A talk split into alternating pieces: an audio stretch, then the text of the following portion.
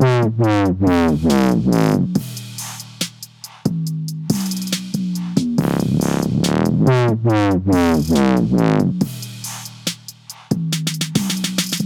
ska det här gå då? Välkommen hit Amanda Oxell från Wavemaker och Annonsrådet. Ja, men man tackar, man tackar. Vad fint. Vilket ger en jättebra ingång. För min första fråga är, kan inte du bara snabbt... Jag tror alla, mer eller mindre alla känner till Annonsrådet. Ja. Jag tror många vet vem du är. Och så börjar jag undra så här, men hur kom det till? Och mitt första minne är att när jag skulle ha premiär för Göteborg Media Day 2017 så var det flera, framförallt kvinnor i Göteborg som sa, kan inte Amanda komma hit och prata? Gud vad trevligt. Ja, och det här måste ha varit så här i februari kanske. Ja. Och sen var jag inne på hemsidan och såg att ni startade nyårsdagen. Ja. Varför nyårsdagen? Varför nyårsdagen? Eh, jag var, ja, det, jag tror kanske att det handlade om att eh, jag helt enkelt på nyårsafton hade tagit några glas Ja. eh, bubbel, som man ju gör. Eh, Förstås. Eh, förstås. Och eh, fick den briljanta idén om hur man kan jobba med algoritmer och hur man i så fall skulle kunna eh, skapa ett annonsråd som premierar innehåll eh, och sänker annat innehåll. Eh, och, Så den kom där och då? Ja, den kom där och då. Och jag är ju eh, en handlingarnas, eh, handlingarnas kvinna så att jag eh, gjorde ju slag i saken direkt på nyårsafton faktiskt. Och drog igång allting till min eh, eh, kära sambos förtret. Han var så här, älskling, eh, maten är klar nu, vi ska äta nyårsmiddag. Och jag var så här, ja vänta, vänta, jag ska bara regga det här eh, domännamnet liksom. Ja. Mm. Så var det. Ja, så var det. Det, det, det här föregicks ju såklart av eh, liksom några månader av tankar kring hur man skulle kunna göra en sån här grej och hur, hur man kan använda teknik liksom, för eh, den här typen av syfte. Så att det var ju inte så att det kom som en blixt från klar himmel men det var först då jag fick liksom, formen kom till mig och Ja. liksom, den här lösningen med algoritmen. Eh, Föddes ur en frustration? Eller alltså, jag- möjlighet? Eh, Du, det är ju en jätte, lite av båda tror jag. För att eh, jag tror att det är svårt att inte vara frustrerad eh, när man inte får gehör. Eh, jag började ju eh, jobba med reklam 2016 typ. Och eh, i min dåvarande roll så tog jag emot väldigt mycket, väldigt mycket material. Eh, Var det på Wavemaker? Eh, nej, eller Maxus? Eh, nej, det var faktiskt inte på Maxus. Det var, men det var inom Group M-huset. Okej. Jag började som social specialist. Mm. Social specialist. Låter bättre på engelska av någon anledning. Annars så Låter det som att man är ett social specialist. Jag, jag är väldigt trevlig framförallt. Um, men nej, men så att jag, jag började där och eh, satt och, liksom, det, jag tog emot väldigt mycket material i den rollen som jag hade då och kände kände väl instinktivt liksom en dag när jag fick, eh, när jag fick något material så jag var så här, men nej, det här, det här står inte jag för. Och jag måste ju ändå, liksom, när hamnade jag på den sidan att jag är den som liksom trycker ut den här typen av värderingar till unga tjejer till exempel. Ehm, och, och det var där, liksom, det var ju det jag Känslan av att vara medskyldig på något sätt? nästan. Ja, men precis. Ja, för det är man ju. Alltså, så här, om, jag, om jag hjälper eh, bolag att sprida då, den typen av värderingar eller vad det nu än kan vara, eh, då, då är ju jag medskyldig. Egentligen. Vi har fått in ovanligt många frågor. Ja, vad spännande. Ja. Eh, och bara en eller två handlar inte om det vi pratar om nu. Mm. Så att, eh, jag bara fyrar av helt enkelt. Do it. Ja. Och första frågan, är så här, för många klustrar ungefär till snarlika saker. Så att vi har en metoo-fråga som har fått från både Robin Lejonhufvud på PhD, gammal kollega till dig. Ja. Eh, Denso koncernchef Mattias Behrer. Eh, Elin Johansson på Starcom. Elin. Elin. Mm. Och så Annika Nygren på Scream i Göteborg. Som var den som ville ha dig till eh, Göteborg Media Day. Och liknande dig, jag försökte klämma henne på det här. Hon sa, nej men Amanda är det bästa som har hänt vår bransch. Och så, ja, någonting med att, Sen formbrödet. ja, formbrödet fick brödrosten tror jag. Ja, det är ju helt fantastiskt och det är ju långt innan jag var född än så att Ja. det är bara den Och bli jämförd med en- ja, med en brödrost eller ett formbröd. Det- det är ju- inte dåligt. Nej, Det är det, vackert. Nu ska vi se. Men då, nu kommer så här, det är flera frågor men de är ungefär snarlika. Ja. Största positiva respektive negativa överraskning i branschen relaterat till metoo? Frågetecken. Eh, Så här cirka ett år efter metoo och annonsrådets checklista för jämställd kommunikation som flertalet byråer och byrånätverk slöt upp bakom. Har du märkt någon skillnad efterlevs listan? Och så innan du svarar bränner jag på med några till. jaha. Tror de att metoo har påverkat utformningen av reklam? Tänker de ett varv extra innan nu? Eh, och har till och med kanske sett att de har gjort det? Jag tror absolut att metoo har haft, eh, lämnat ett avtryck i, eh, i branschen eller liksom lagt en eh, hinna av eftertänksamhet hos folk som kanske inte tidigare behövde tänka efter. Eh, och vad det gäller checklistan eh, som vi ju tog fram då i, eh, efter att metoo hade briserat så var ju det blev ju en helt fantastisk reaktion på den för att folk fick ju helt plötsligt någonting att ta fasta på. Liksom Något en, konkret. Ja, något konkret och så här, ja men okej, om vi liksom lyckas förhålla oss till den här listan då kommer vi med största sannolikhet att eh, kommunicera eh, och skapa reklam som är, som är bra. Eh, och jag upplever eh, jag upplever att allt färre eh, allt färre reklamkampanjer eh, kommer in till oss i annonsrådet som är eh, med svensk avsändare. Och det känns ju som en Alltså det, bara det känns ju som en stor vinst. Liksom att man märker så här att, ah, men okej. Sen om det är på grund av checklistan eller inte, jag tror att det har väldigt mycket med metoo att göra. Jag tror att man, man tänker tre varv extra. Eh, och oavsett hur man ställer sig till metoo eller inte så tänker man ändå tre varv extra och det är det som är det är det som är det viktiga i, i sammanhanget. Liksom att vi, har tagit, vi har tagit ett steg framåt. Sen så är det ju så att vi är ju inte, vi är inte framme. Det finns liksom aspekter av eh, branschen idag som man behöver diskutera. Vi ser eh, en liten backlash eh, mot nu, alltså i början då var det ju folk vågade inte riktigt, om vi bara håller det så här branschspecifikt, så vågade ju folk inte, folk som inte höll med, som tyckte att metoo var skit eller tyckte att ah, nu har det gått för långt eller oj vad sådär. De, I början så höll de sig ganska, de höll sig ganska tysta eller ganska passiva för att de nog var rädda för att få för mycket eh, återmäle om de, Mm, liksom, om de sa någonting, om de lyfte sin kritik mot, eh, mot metoo och det. Eh, men nu så eh, kan man se liksom i olika forum och i olika sammanhang att eh, det ändå har skapats någon form av motreaktion. Och den, den ser ju jag som en, det, det är ju en självklarhet att det kommer en sån motreaktion. Och du men, borde gilla en sån, eller? ja, så jag tycker ju inte, ja vadå för att jag ska skälla på dem? Nej men det har ju så jag, jag hade en fundering när jag gick nämligen. Att, för jag var inne på just det här som du pratar om. Att Mm. jag tror att i början så även om man inte höll med eller tyckte vissa aspekter var fel eller har dragit för mycket åt långt håll Mm. så vågar man inte säga det. För säger man det, ja men då, då bekräftar ju du att du kanske är en mansgris eller Mm. vad det nu kan vara för någonting.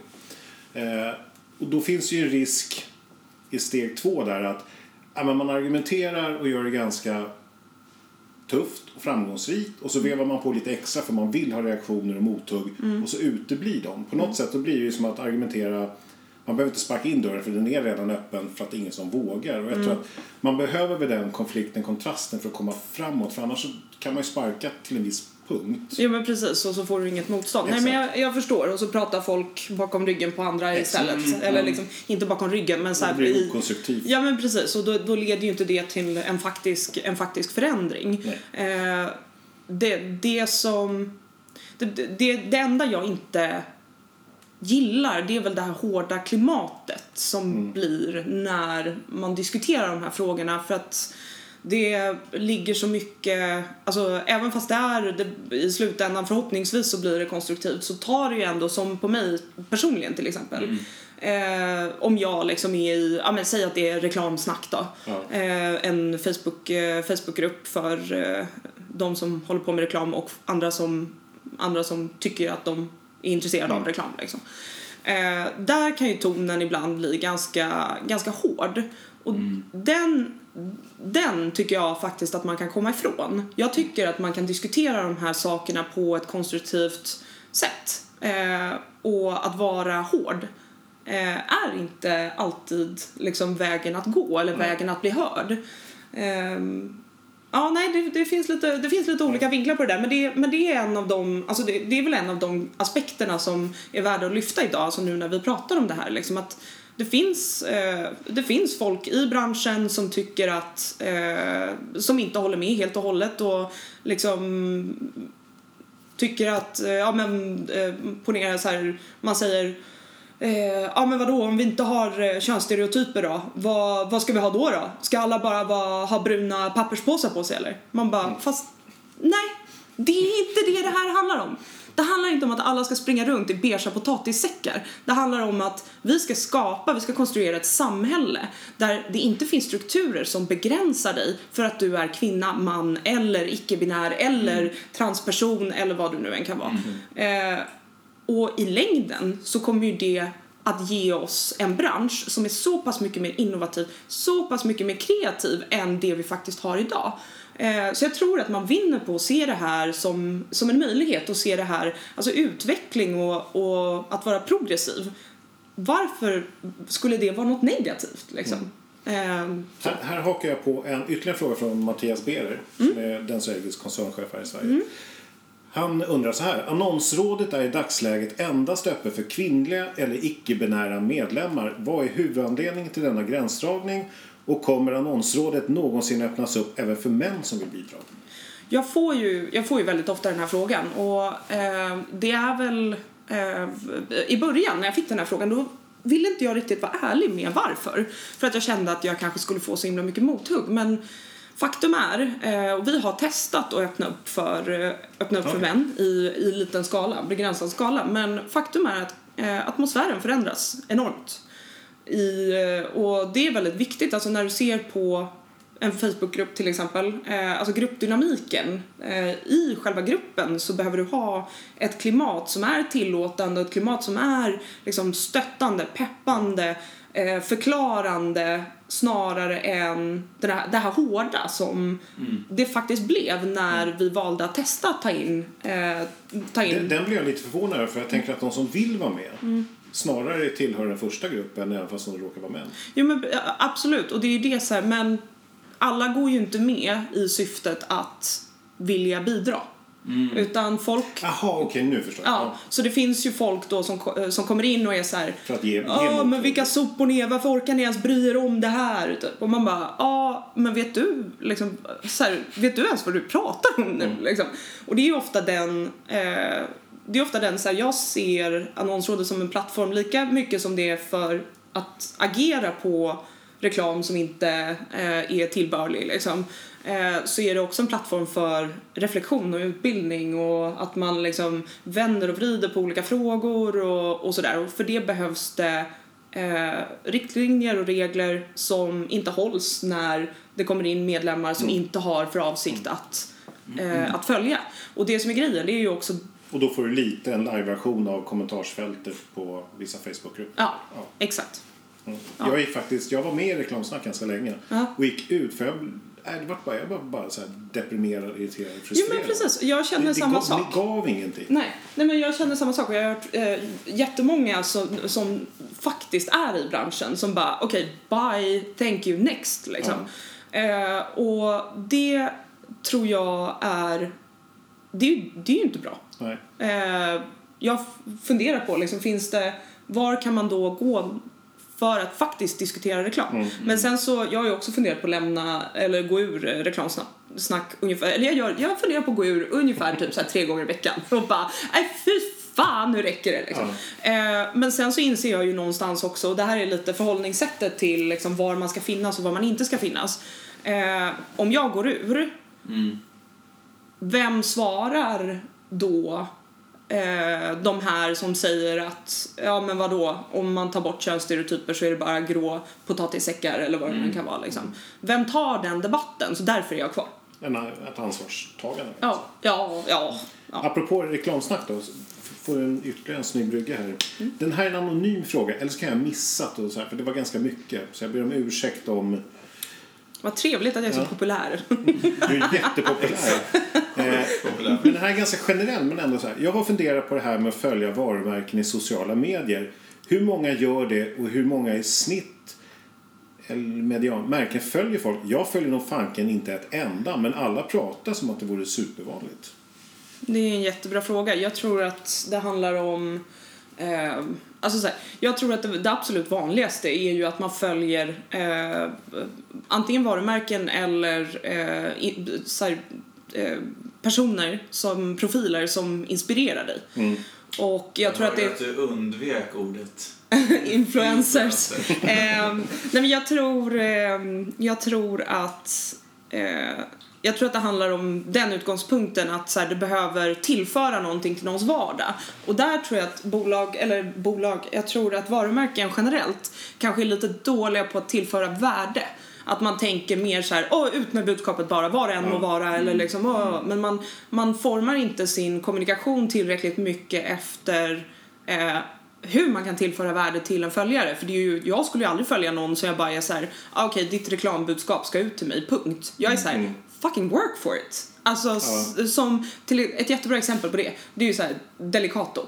De gör ju så jävla roliga grejer. Eh, och eh, det ger mig glädje att följa dem. Det är vad de ger mig. Liksom. Sen så kan du ge någon kunskap, du kan ge någon fakta, du kan ge någon information, du kan... Eh, liksom, det finns så många olika vinklar som man kan ta på det.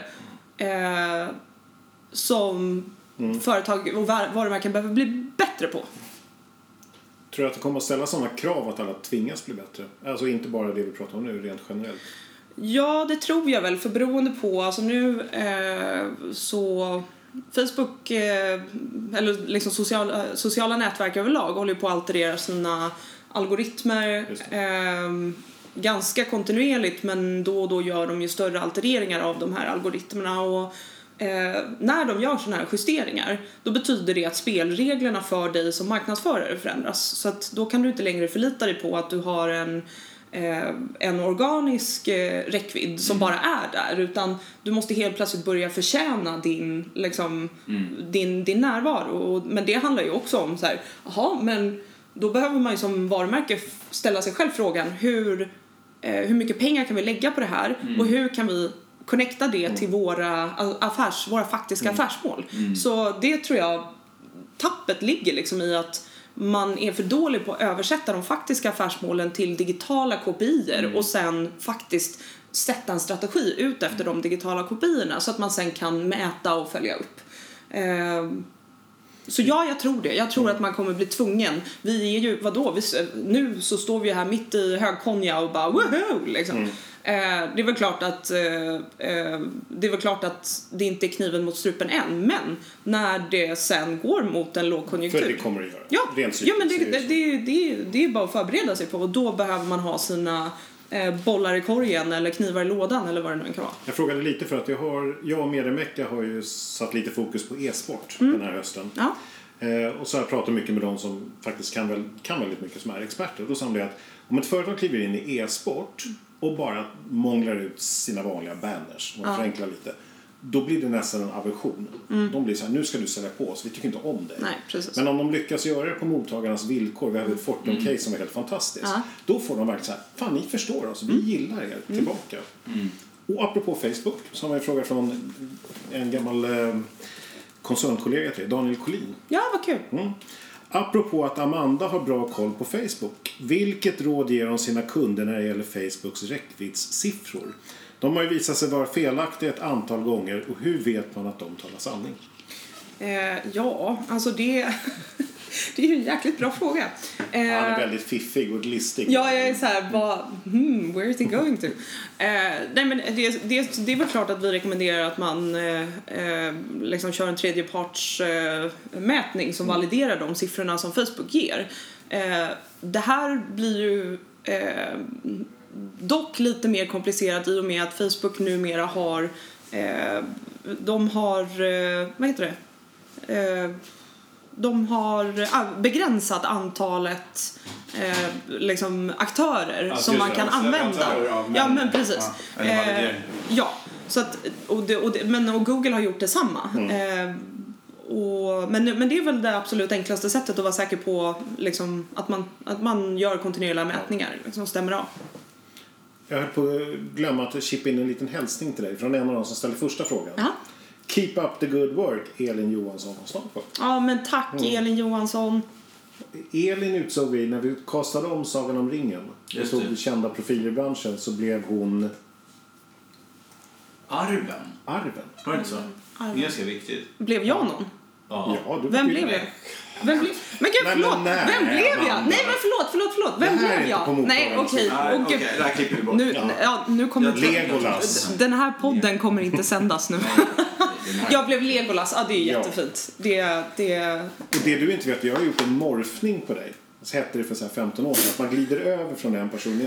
Så jag har lagt dig, ditt ansikte ovanpå, eh, och vad heter han som spelar Legolas? Är det får, eh, Eh, Orlando Bloom. Ja, Får- får jag bara- i det blonda håret lite där nej, det är ju, okej, det är ju jätteroligt, men är det här för personligt bruk eller är det liksom, hur Nej, känner Jag du? vet inte. Nej, men det, det kom, tanken är att vi ska lajva alltså det här. eh, Vi, vi träffas, vad är det? Är det ja, nu är det lite... till, till nyår? Det kommer vara så här på, hemma hos dig på, på Mallis, eller hur? Mm. Och vad var det? Eh, Douglas Ros var Frodo. Frodo såklart. Ja, mm. Eller hur? Perfekt. Det är helt Ja. logiskt. Ja. Och Fredrik Eriksson på OMD, Aragorn. Alltså ni är ju såna medierävar så att man svimmar.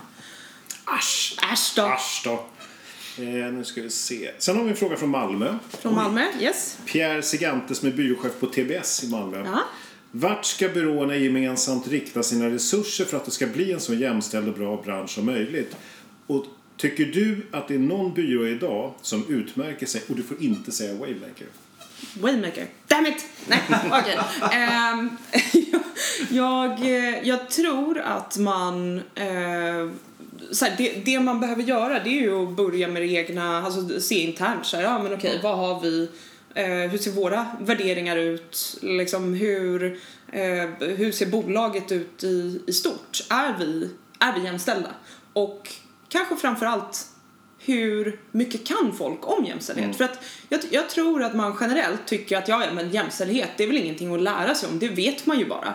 Eh, Men det är det ju faktiskt inte. Jag har varit, alltså, jag har ju typ eh, pluggat i tre år nu eh, snart eh, för att liksom kunna argumentera och kunna föra, eh, föra resonemang som är hållbara och hit och dit liksom, och visa på eh, liksom vad som är faktisk förändring och sådär. Så att jag tror att utbildning av eh, de anställda är eh, superviktigt. Och inte i form av att man sitter och pratar, alltså så här, jag, jag tror kanske att man får ta in typ Make Equal. De är eh, Okej. superduktiga. Eh, ett bolag som, som genomför det sådana kommer här... en utomstående. Ja, precis.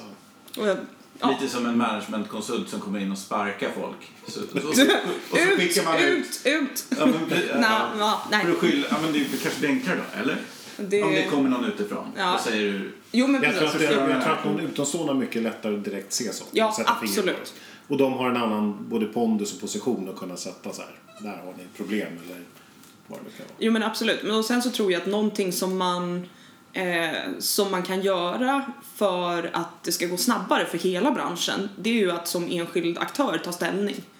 För det upplever jag att eh, folk, är, folk håller med. Folk är så här, ja men det är väl klart att vi ska vara jämställda och liksom så. Men det är väldigt få som faktiskt eh, tar den liksom, ställningen eller tar den positionen. Och jag förstår att det kan vara eh, liksom ett beslut som, ja jag vet inte, som av olika anledningar kan vara komplicerat. Men just att man bara säger så här, nej men vi är en jämställd organisation. Eh, eller vi åsyftar att vara det.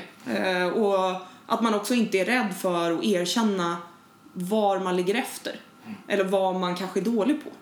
Eh, Fast där kan jag känna att vår bransch, mediebranschen, det, det kanske är för alla branscher. Så här, hur går det? Det går jättebra. Åh, det är så mycket att göra. Det har aldrig gått så bra. Och så, och så tre månader de är i konkurs. Men det är aldrig någon som är sjuk. Alla mår fantastiskt och det går jättebra alltid. Men jag tycker att jag har börjat se en förändring i det där sen, eh, sen vi började prata mer om det här med liksom hur arbetsförhållandena ser ut på byråerna och liksom jag ser att eh, det är byråer som eh, liksom börjar arbeta proaktivt med att de anställda ska må bra och att man inte när, om jag kommer nu och bara ja men tjena Jocke och Tobias, hur mår ni? Eh, att man då kan svara så här ah, pff, uh, ja det kanske är lite, det är lite svettigt just nu liksom. men, men eh, ah, så. Eh, Så att man inte hela tiden behöver köra den här smile and wave liksom, som, som vi har gjort så länge. Så det ser jag också som en positiv grej, att man faktiskt är mer transparent och ärlig med saker. Och plus att det har varit sken Ja, Tobias. men jag blir glad bara för att du pratar om Ja, jag transparens. visste, visste det. Så. Yay! Transparens! Men sen har det också varit ett ganska snabbt och stort tronskifte i mediebranschen. Ja. För backar man bara nu ska se, fem, sex år tillbaka så var det väl inte en enda kvinnlig mediebyrå-VD. Någon kanske. Det hade varit någon om någon har kommit och gått. Ja, Men där har det ju hänt en hel del. det har det ju verkligen. Och jag tycker att eh, koncernledningen har blivit mycket bättre på att pusha fram Mm. kvinnliga chefer på ett helt annat sätt. Jo men verkligen. Verkligen. Det är ju lite innan min tid men... Ja. Men när du dök upp så... Men eh, ja precis, exakt. Det var med mig. Eller hur? Eller? Ja. Nej, det var inte med mig. Jag... Fråga då. Vi har inte sett dig lika mycket senaste halvåret. Det här var innan eh, din Facebook-krönika kom ut i Resumé. Just det. 1. Har branschen blivit bättre på att göra rätt? Och någonstans indirekt att därför behöver inte du synas lika mycket. Är det ett strategiskt val av dig att synas mindre? 3. Har du mycket att göra? jag, jag, jag kan nog säga att det är en kombination av alla, av alla de, eh, de grejerna. Jag har haft enormt mycket att göra. Eh, och För det är ju lätt på nå- någonstans längs vägen att glömma bort att du, är faktiskt, du har ju ett jobb som digitalstrateg på en mediebyrå. Jo men precis. Mm. Eh, ja men exakt och det, det är ju, eh, det har ju blivit, alltså det har blivit väldigt mycket, väldigt mycket jobb det senaste, det senaste året. Eh, och det är också väldigt lätt att bara så känna liksom att när folk kommer med Mm. idéer eller förslag eller kan du tala här eller göra det här eller liksom så. Tackar jag. Ja men det är så här, man, man utan att ens screena det så är man så här, ja ja men det är klart att jag ska komma Mm. och prata för den här skolan eller göra det här eller så. Eh, och det är väl det jag har liksom, jag har varit tvungen att så här, rewinda lite Mm. för att bara kunna prioritera de grejerna som jag tror ger mest effekt på det arbetet som jag gör Mm. eller det jag vill uppnå liksom. Eh, och, eh, men sen så tycker jag, som jag sa i början också, att så här, vi får in mindre svenska exempel. Eh, de internationella håller en ganska hög eh, level nu fortfarande. Men jag tänker när det kommer in en sån då, som är en riktig blunder Ja. och så är det en tung internationell kund, då vill man ju inte som mediebyrå gärna påpeka det kreativa för det ligger ju oftast utanför. Får man bara låta den passera och bara... Eh, tänker du som anställd på en mediebyrå Ja. nu? Alltså jag tror att vi, eh, för några år sedan så skulle man som mediebyråanställd inte ha gjort det. Men nu så ser vi en konvergens i branschen överlag när det gäller liksom mediebyrå Och eh, och länder. content, ja och andra länder. Men jag tror att nu så har vi självförtroendet i branschen att säga till internationella kunder att Eh, hörni, det här är en svensk marknad eh, och ni behöver anpassa det här för att det här kommer inte gå bra. Ja. Och att man istället ser det som att så här, jag är en digital rådgivare och om jag inte säger det här och det sen smäller, då är det mitt fel att det smäller. någon, Precis.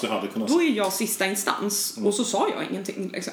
Så att jag, jag tror att så länge man har den approachen och så länge ens Eh, liksom ens chef och chefers chefer har den approachen också, att man gör det här för kundens bästa så, så är det inga problem. Liksom. Men jag bara tänkte på så här, för de av våra eminenta lyssnare som inte vet exakt vad annonsrådet är och hur det fungerar. Kan inte du bara dra hisspitchen? Jo men absolut. Jag är så här, den borde jag ha slipat by now kan man tycka. eh, nej men eh, annonsrådet är ju alltså en, eh, en vi utgår ifrån en Facebookgrupp, en låst Facebook- Facebookgrupp. Eh, där vi lyfter upp, eh, lyfter upp reklam som är sexistisk eller könsdiskriminerande eh, och går in och anmäler den reklamen till Facebooks supportfunktion. Det i sin tur gör att reklamen får ett lägre relevance score.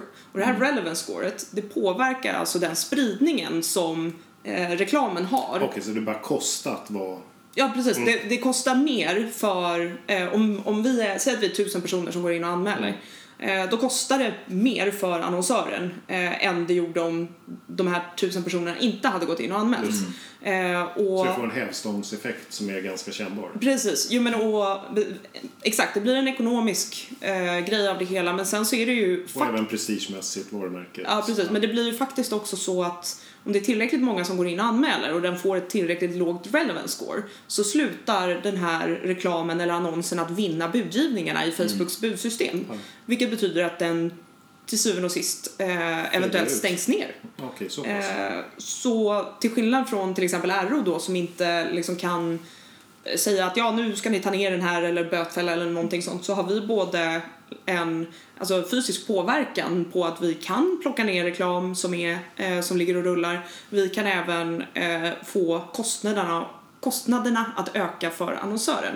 Men sen så är det ju faktiskt så också att vi eh, väger ju upp det här med att lyfta reklam som är jäkligt bra. Bra, för det var min nästa fråga. Ja. Annars blir det jävligt negativt. Ja, annars blir det Ja. jätteneggigt liksom. Så att, eh, det vi vill göra är ju att skapa, alltså, skapa en bättre eh, reklamkultur i Mm. sociala medier, eller överlag egentligen. Och, så Så det var vi, det här du kom på på nyårsafton? Eh, 2016? Innan middagen också. ja, innan middagen. Det var, ganska, Var det just de här mekanismerna? Ja. Eller? Ja. det var just de här mekanismerna. Eh, Har du fått efterföljare i andra länder? Ja, eh, det, det har jag faktiskt. I, eh, det har startats två initiativ. Ett i eh, Danmark och ett i eh, Spanien. Sen så har... Eh, eh, jag, jag tror kanske att eh, man i varken Danmark eller Spanien är lika långt gångna i liksom hela eh, processen, jämställdhetsprocessen som vi är här i Sverige och därför har det inte heller tagit lika stor fart. Eh, sen så är det är väl topp fjärde i världen, tror jag. på jämställdhet. Ja. Ja, så, jag så undrar, om inte, undrar om inte Danmark ligger... Jag tror att de nordiska länderna ligger topp 10. Man tror du verkligen att Danmark, de som är, de, de är ju... Men jag, bara, vem är det jag inte behöver? Okej. Det här klipper vi bort. Ja, ja, gud. Ja, Danmark är jättebra. Eh, Nej, men har, har de bjudit in dig?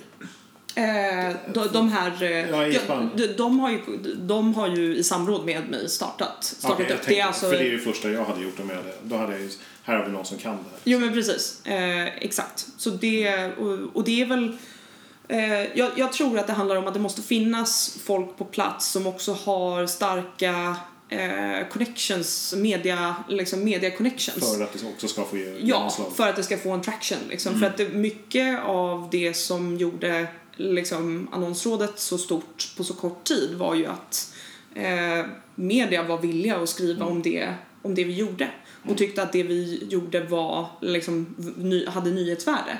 Ehm, och så. Så det, det, jag tror att det finns massa mekanismer som man behöver ha på plats liksom, när man drar igång sådana här initiativ. En, den där frågan från... Eh, eh, nu ska vi se, just det. Är det ett strategiskt val av att synas mindre? Dels är det känns för att du inte ska ätas upp av att tid, att, du, att nu tackar du nej med lite omsorg, ta- eller tackar jag med omsorg. Finns det någon sån där, inte rädsla kanske att du blir för mycket förknippad med att vara fanbäraren och den som argumenterar och syns och hörs kontra din, alltså som digital strateg på Waymaker?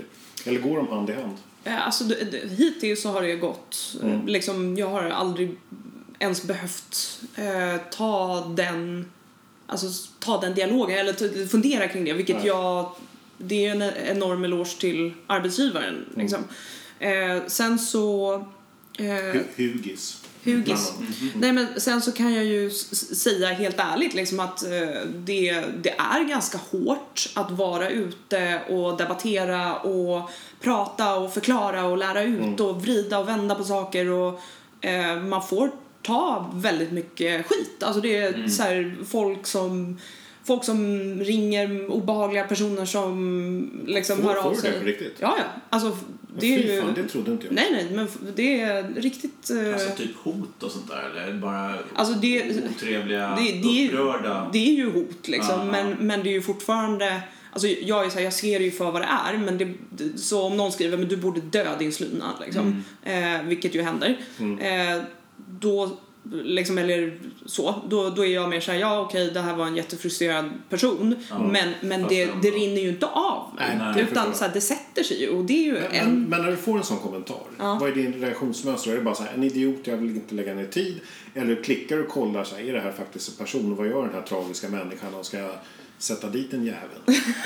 För det hade varit mitt, tror jag. Eller jag vet, för jag Jo men det, jag tror det, det, det varierar. Beror Ja. på i vilket, alltså om jag har tid eller inte. Mm. För jag, jag tror generellt att Och om det kanske passerar din rustning. För Ja. det kan jag känna, ibland så är det något som en pil som tränger igenom. Och det, i vanliga fall så kan jag bara svepa bort. Men ibland blir, få, svider det till liksom och då tar den extra mycket. Jo men precis. Nej, Man men, hade garden nere eller jag vet inte. Ja, nej men exakt. Och, och, och också så här, ha garden nere. Fan, vi är bara människor. Mm. Liksom. Eh, och jag förstår inte många, många jag, jag är ju inte den som är värst utsatt i liksom Nej. det här. Så jag fattar inte att de andra som kämpar med det här orkar. Liksom. Men, eh, så, så det är ju en faktor, det, det blir en faktor. Liksom. Och det blir också en faktor som gör att Alltså det påverkar ju livet i övrigt. Och om jag då, ponera att jag får ett hot till exempel, då går jag in och kollar för att jag vill se om det är en galning som kommer stå utanför min port eller om det är eh, eh, Lars-Erik från eh, Skåne liksom. Förstår ni? Så det... Då är det, Då är det tungt. Ja, Människan har fått 55 mil bort och han var antagligen packad liksom. Ja, men det, det, eh, nej men ni fattar jag, skillnaden. fa- jag fattar, liksom. men jag tänker så här. Eh, Kan du använda, ur den här aspekten, kan du då använda Facebook, så att säga, eh, i, på ett personligt plan? Eller är det bara förknippat med jobb, alltså annonsrådet och hela den biten så att det blir så här lite... Det är väldigt förknippat med, eh, med jobb och annonsrådet. Ja. Så jag är ingen, jag är ingen privat, privatperson på Facebook nu utan jag håller det till det. Vilket ju liksom, det, men så här, och det har ju jag fått kommunicera till eh, mitt nätverk så vill någon ha tag på mig så vet de att de för det mesta liksom behöver ringa eller smsa Ja. eller mejla. Alltså. Eh, men det är ju även spännande personer som hittar mejladresser och, och sådana. Ja, alltså, det. det är så här, Oh, ja. Som lägger ner den tiden. Ja, de lägger ner den tiden. Och då, Har du polisanmält någon? nej, jag har inte gjort det. Eh, för, för att jag inte har upplevt att det varit så allvarligt och för att jag inte heller upplever att eller så här, det spelar ju ingen roll om du polisanmäler, det blir ju ingenting av det ändå känns det som att det så här, läggs ner i brist på bevis typ. Fast Fastän blir- man ska ju polisanmäla för statistik och hit och Ja. Så ja, okej, fine. Jag lovar att jag ska polisanmäla nästa gång. Eh, jag, jag har en egen liten sån här fundering. Att nu, nu har ju du varit den som på något sätt har blivit ansikte utåt för det här. Du har varit den som så här, dragit igång, kämpat, stått på barrikaderna, kanske fel ordval. Men Ja. eh, har det funnits tillfällen när du har vevat lite extra mycket och kanske för hårt? Och att jag frågar är för att ibland när jag blir provocerad av någonting då har jag en tendens i att jag höjer tonläget lite för att provocera, för att trycka på de där knapparna för att få folk att reagera. Och så kan jag känna så här, men om inte du kan ta den här diskussionen så är det liksom ditt problem. Men jag diskuterar gärna, vilket gör att jag det- det är inte speciellt smart. Jag tycker att jag är smart i stunden, men det är mest bara korkat. Då har jag tryckt lite för mycket. Liksom. Ja. Och då framstår jag som någon mycket mer extrem är fel ord, men det, det är så lätt att få ett epitet på Facebook så här, där folk egentligen inte tycker så himla mycket för de lägger upp rasbilder och la- lussebullar och sånt där. Och så är det någon som har en stark åsikt, då blir det lätt att förflytta den bara ut i periferin till de olika ytterligheterna. Jo, men, och det finns, alltså, det finns absolut tillfällen där jag eh, liksom blir... Jag, jag, det, det är ju det så här, man är ju människa. Ja. Eh, och det jag diskuterar, det är ju någonting eller det jag försöker förändra, det är ju någonting som jag själv utsätts för. Eh, vilket gör att det har ju en känslomässig alltså klang i mig. Eh, vilket gör att jag inte alltid, alltså så här 100% om jag har en dålig dag och sen så kommer någon, något, något som jag tycker pucko liksom som säger eh, Ja men eh, bröl, det är klart att den där bruden ska få sitta på den där bilhuven liksom. Ja. Ja, då kanske jag lackar liksom. Ja. Eh, och den, man önskar ju, det är ju det så här, vi, det finns ju känslomänniskor och sen så finns det människor som inte är lika mycket känslomänniskor. Och ibland så, så kanske det vore skönt att inte vara den här känslomänniskan men å andra sidan. Ja precis och vara så här, ja ah, men okej. en sak i taget. Liksom så. Eh, men verkligheten ser inte ut så. Alla är inte de här så här, ja ah, okej, eh, så. Eh, Precis. utan, så jag, jag, jag känner absolut att det finns tillfällen eh, då jag har gått på hårt. Eh, och jag tror att jag, om, om inte i den diskussionen, för det, det är liksom, ja men säg reklamsnack då, om, om to, tonen blir hård där, eh, då är ju det eh, då är det någonting som jag lär mig av efteråt. Och kanske inte så här, ah, vilka bra argument han hade, utan mer så här, ja men okej, eh, här, eh, här var jag lite väl hård, liksom. Här skulle jag kunna backa. Och det är det man får se som vinningen med att vara en känslomänniska, eller liksom att så här, så. Eh, men samtidigt att man är mänsklig. Ja. Förstås. Nu har jag några frågor. Som börjar med en hälsning. Oj. Oh. Amanda verkar superspännande och kompetent. Hälsa henne det. Men trevligt, tack. Ebba Kilman, VD på Visio. Ja, vad trevligt. Ja. Hon har en fråga här, nu ska vi se. Hon har flera, jag ska välja dem. Vilket är ditt bästa svar till argument såsom jag skulle inte vilja kalla mig för feminist. För mig är jämlikhet en självklarhet. Den, ehm, eh, då, då, då skulle jag fråga varför vill du inte kalla dig för feminist? Och då kommer antagligen den personen säga ja för det är bara vänsterradikala, eh, eh, hetsiga, eh, eh, orakade liksom radikalkvinnor som är feminister. Eh, men det, då är ju det ett kunskapsglapp hos den personen. Då vet ju inte den personen att det är inte det feminism är, det är inte det feminism står för. Eh, och jag tror att det är lite där man behöver börja när man, när man får en sån liksom, ah, jag skulle aldrig kalla mig för feminist. Men varför? Så att man förstår, för att om jag då, eh, det att du Jocke skulle säga så, då skulle jag bara, men okej, varför? Eh, för att jag vill veta och så att jag med den utgångspunkten kan förklara så här, ja ah, men okej, du tror att det är så här, men egentligen så är det så här. Eller man kan också se det på det här sättet. Och jag tror att man når fram på ett mycket bättre sätt om man har den utgångspunkten. Och ställa att, frågor. Ja men precis. Eh, Du får klippa lite här. För jag Ja, måste bara klipper- leta gud, bland nu- alla frågor. Nu, är- Ska jag sjunga lite? la, la, la. Vad, det, vad, vad skulle du sjunga om du skulle plötsligt sjunga nu? Nej, men jag började, nu började jag genast tänka på något från La La Land och jag vet inte varför. Eh, Därför att den precis har kommit på Netflix. Har den? Vad ska jag göra ikväll? Ah, ska jag hem och kolla på La La Land? Eh, nej men, eh, ja det är nog det. Eller någon julsång som får alla att vilja liksom krypa i skinnet. Kanske. Så pass? Ja, Alltså- men vad då gör man inte det av julsånger nu? Jag är redan, alltså jag är redan så här så att jag, om jag går in på, i en till butik där de spelar Last Christmas så kommer jag alltså... Men den här Whamageddon, den, den har ju blivit nästan, ja nu hänger ju inte du så mycket på Facebook, men Whamageddon har ju blivit så jobbig att uppleva i, i liksom på, i Facebookflödet. Så att det är nästan värre än att lyssna på låten i sig. Om man nu gillar julen som jag då. Det är väl skillnad på Last Christmas som man bara hatar från början, första början. När man hörde den första gången. Till så här Little Drummer Boy med Bowie Bing Crosby tycker jag. jo, men det är väl sant. Ja. Nu har jag nästa fråga. Amanda ligger ju lite före de flesta andra. Hon plockar upp det som andra inte ser vad det gäller bland annat jämställdhet och så vidare. Hur gör hon på parmiddagar? Kommenterar hon på allt som är lite skevt eller låter hon saker passera? Antingen blir det väl lite dålig stämning eller så måste hon ju dö lite inombords. Båda alternativ är tråkiga. Hur funkar det? Förlåt, det här var typ det bästa. Alltså, jag älskade de andra frågorna också, men det här var, det här var så jävla fingret på alltså. Eh, för det är ju, det, det, blir ju liksom, folk tänker ju lite extra på vad de säger kring mig och Ja. eh, ibland... Känner, känner du av det också? ja, Ganska ja, ja, gud ja. Ja, men det Jättetydligt. måste ju vara så här. Men jag tycker fast bara, just jävla Amanda säger.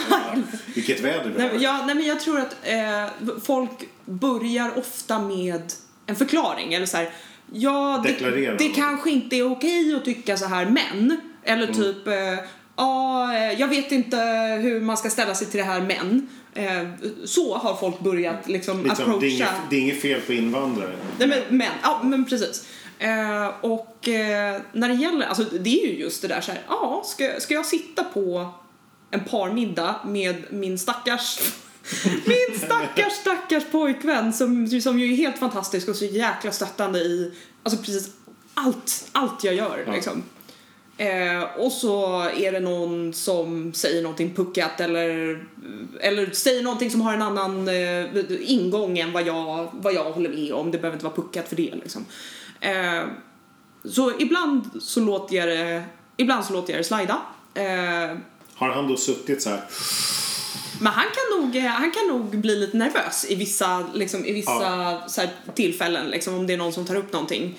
Eh, för han vill väl kanske inte att det ska bli dålig stämning eller sådär. Men man får väl lita på att resten av sällskapet är kompetenta till socialt umgänge också och att liksom, ja, men det, även fast vi tycker olika så, så kan vi fortfarande Diskutera. diskutera och vi kan fortfarande umgås. För jag tror att det är det, den grejen blir väldigt svår om man säger så här, ja ah, men okej, du tycker så här och jag tycker så här och jag kommer aldrig mer prata med dig. Den, om man helt plötsligt har den retoriken, då, då tappar man ju hela, precis som vi pratade om innan, Ja. man tappar möjligheten till framsteg, möjligheten till någon form av samsyn eller möjligheten till att röra sig framåt. Eh, så det är så här, ja nej, det finns, eh, det finns stunder då jag inte säger någonting och sen finns det stunder då jag faktiskt säger någonting. Eh, var det ett diplomatiskt svar? Ja, men ett bra svar. Ja. Ja, jag tycker det också. Är det... Ja. hade, hade du någon eh, filosofisk tanke där Tobias? Det här är ju ett extra roligt samtal som vi kom fram till att ringa, Ja. kom jag på. av Vem ska annan ni anledning. ringa? Nej, men vi ska ringa till... Vi ska egentligen ringa och ställa en enda fråga till Anders Eriksson. För han gick ut hårt i Mediejournalen Ja. och sa det är jag som är surfar-X. Och sen kom en dementi. Och då lyckades, ja, ja han, det var ju inte han utan vi misstänkte att det var en annan Anders Eriksson i Alingsås tror jag. Som gillade både kolla- dinosaurier och Kolla hans surfing. IP-nummer, men, men GDPR så att eh, Men ni måste ju ge en bakgrund till, eh, till det. Till surfare? Ja, Att- de som inte vet. Jaha, eh, surfar-X är vår Das Pods protégé har vi sagt. Ja, ja. Det finns ingen koppling alls. Förutom att du hittade en bild på en tyrann- Tyrannosaurus rex som surfar i en våg. ja. Och skickade den och bara så här. Framför en stad för övrigt. Framför en sta- ja, just det. Alltså det finns så många, eh, man känner ju så här, om man någon gång skulle se en Tyrannosaurus rex så skulle den ju stå på en, liksom en surfbräda på en perfekt våg framför en En lite ba- city lyxig- line. Ja men exakt. Eh, med extremt kort, alltså han, eller hon, det vet vi inte. Nej. men vi tror att, vi tror väl att det är en han eftersom det var Anders som var bakom. Just det. Så att säga. Just det. Och för lyssnarna kan jag berätta att jag precis plocka fram en bild på surfar-X och visar Amanda i detta nu. Ja, ja, just det. Härligt. Anders är ju i Staterna. Han är i Staterna. Och surfar. Och surfar. Framför Los Angeles. Och Eller om man, om man har tid över så finns det ju eh, eh, på Youtube ganska många eh, eh, Tyrannosaurus rex som är ute och surfar. Det har blivit lite av en craze Ja. faktiskt. Eh, Satte vi någon trend där då med surfar-X? jag tror det. Jag tror det. Nu ska vi se. Om jag ringer Facetime så här. Så ser vi. Så får vi se om jag svarar. Alltså, surf, vi, vi har haft så otroligt roligt. För det är så meningslöst. Men så här, vad är vitsen med att han ens vågar vara en dinosaurie? Ja. Hallå där! Hallå! Hallå! Hej Anders! Hej Anders Eriksson! Hej! Hur har ni det? Vi har det fantastiskt. Vi, Det är Jocke, Tobias Ja. och Amanda Oxell. Och vi, Vad trevligt! ja, det är fantastiskt. Och vi har egentligen, vi har egentligen bara en fråga. Ja, Sitt, sitter du ner? Håll, Nej, jag står upp. men har du någon bordskant eller något att hålla i? Ja, jag, jag, jag sätter mig här i solen faktiskt. Jag befinner mig på andra breddgrader, som ni säkert förstår. Låt höra! Ja. Ni, ni ska bilda regering. P- ja så, i- in, inte den här veckan, utan vi, vi, vi, ska, Men det här är nästan en viktigare fråga. vi ska titta på det. Ja, det är bra. För, det här är, för det här är någonting som varit olöst nästan lika länge. För oss har det här varit ett mysterium och det har varit liksom gått åt olika håll. Men alltså, i korthet, är det du som är surfarex? Nej, det dementerar jag. Igen alltså. Ja, men då, då, då tackar vi för din tid och så, så går vi vidare i podden. Det var så lite. Tack.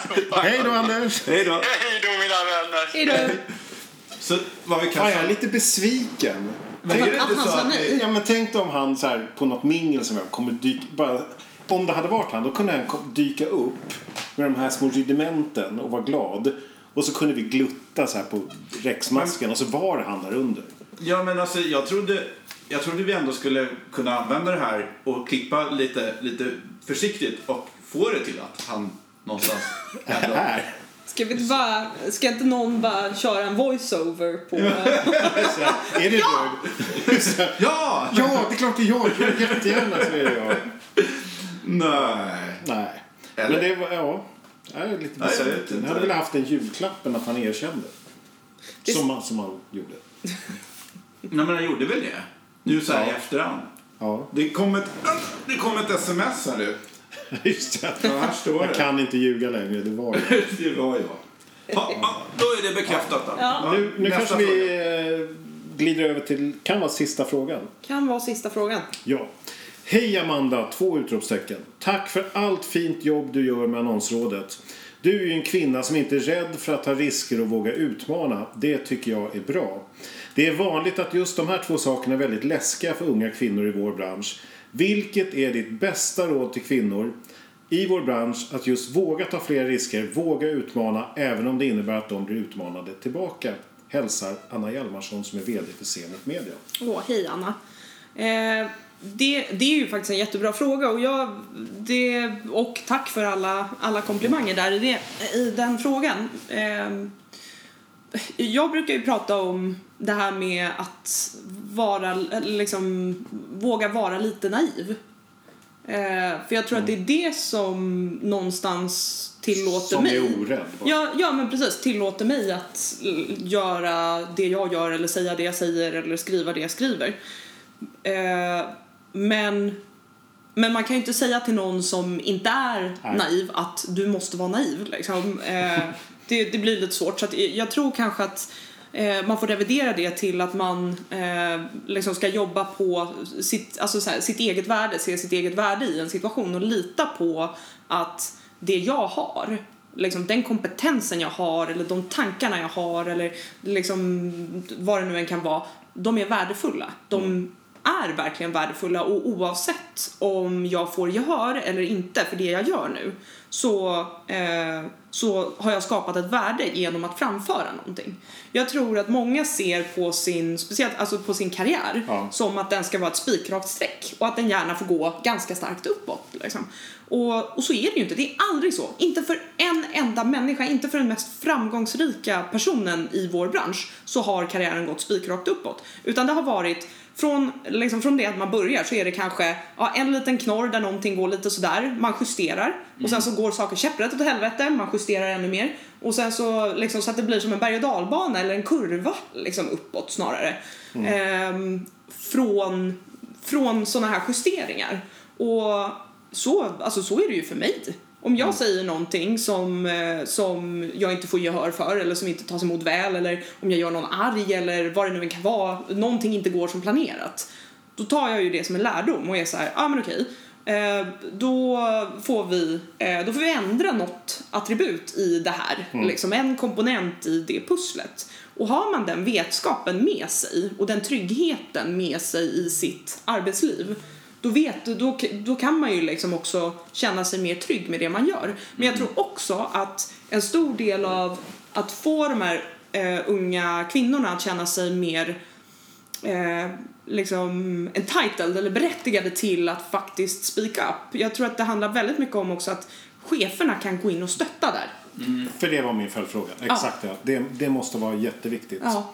För att känner man inte att man har den tryggheten och backupen någonstans från början då tror jag att det är mycket svårare att våga. Mm. Jo men det, det, alltså det är ju verkligen det och där, där kan jag säga att där har ju jag haft, det är ju en av de komponenterna som har gjort att jag liksom eh, kan tala för mig och så för att jag har fått den tryggheten från min arbetsplats där mina chefer har sagt att vet du vad, rent krasst sitter du i ett möte där någon liksom är, eh, är eh, ett svin eller där någon är dum eller vad det nu kan vara. Då har du all rätt att resa dig upp och gå och vi kommer att backa dig. Och bara den, bara att få den som anställd eller som arbetstagare är man ju så här. Ja, men tack liksom. Du har min rygg. Eh, och den är, nog, den är nog superviktig för att främja det här med att liksom, unga kvinnor ska ta mer plats och synas och höras mer och liksom, hitta sina specialistkompetenser och allt vad det nu kan vara. Ska vi avrunda med den? Jag tyckte det var en bra slutkläm. Är det slutklämmen? Jag, Jag trodde tror- du skulle komma in på de här viktiga sakerna. Ja, Ja, ja, det, det är frågan hur mycket mer tid Amanda har innan hon måste resa sig upp och gå härifrån. Eh, Ja, just det. nej men det, jag, eh, det är okej, jag kan stanna en stund till. ja. Då var det inte slutklämmen. Nej, Men det är- kan vara slutklämmen, men det beror ju lite grann på. Men vi har ju såna här saker som, som Vi vi, måste funderar reda ut. över. Eh, ja, vi måste reda ut. Sen sist, för du, eh, när vi pratades vid sist så satt ju du hemma med en kopp kaffe, eh, möjligen, det kan jag nog ha gjort. och väntade på några hantverkare. Ja, det kan jag också ha gjort. Ja. Va, va, hur gick det? Alltså- Kom, kom hantverkarna, gjorde de det de skulle och blev resultatet bra? Jag, jag eh, är ju av den personliga övertygelsen att jag har Stockholms finaste lägenhet just nu. Så att, eh, Typ svar ja låter Ja, nej men det, det blev helt fantastiskt. Sen vet jag inte om de kom just då faktiskt. För att det var några vänder där. Eh, som det ju kan vara med hantverkare. Fan, om någon hade den flexibiliteten i, alltså så här, i sitt jobb, den tid, det är de och Postnord. Det är liksom, och Eller hur? meteorologerna. Ja. Det, Ja, den är fin. Ja, ja, men jag tror att för vi, i, Man kunde kombinera det med att eh, vara, alltså, kunna fakturera som en advokat. man kan säga att hantverkare skulle behöva man. bli mer agila. Exakt. eller är det vi som behöver bli mer agila? De tycker nog det är jag. Ja, ja, precis. Just det. Ja. Eller Postnord eller någon som tycker att det är självklart att du ska vara hemma fyra timmar för en leverans som kanske kommer men det kan lika gärna komma på morgonen Jag vet, alltså, vi får typ inte ens börja prata om Postnord för min puls går upp. Alltså bara av liksom det. De, de har en lång resa med sitt varumärke. Uh. Det kan man säga. Mm. Kungliga postverket dippade rejält för så här 20 år sedan. Vad hade vi, vi hade en till. För vi, Ja, alltså det för, för vi, vi, jag när vi pratade sist så sa jag att Tobias är galet snabb på att göra research. Mm. Ja, Så exakt. det var ju så Tobias hittade att du hade fotat på Brandenfeld på Bonnier News utklädd till Darth Vader. Det tog ju dig typ 3,7 sekunder. Ja, Och nu har han snokat rätt på nästa sak i ditt liv som vi Ja. måste få reda på. det var väl Gud vad spännande. för... eh, Var det sju år sedan? Sju år sedan. Vad gjorde jag för sju år sedan? 2011. Var befann du dig någonstans? Gud, jag, jag vet faktiskt inte. Var befann jag mig 2011? Paris kanske? Nej, tyvärr inte.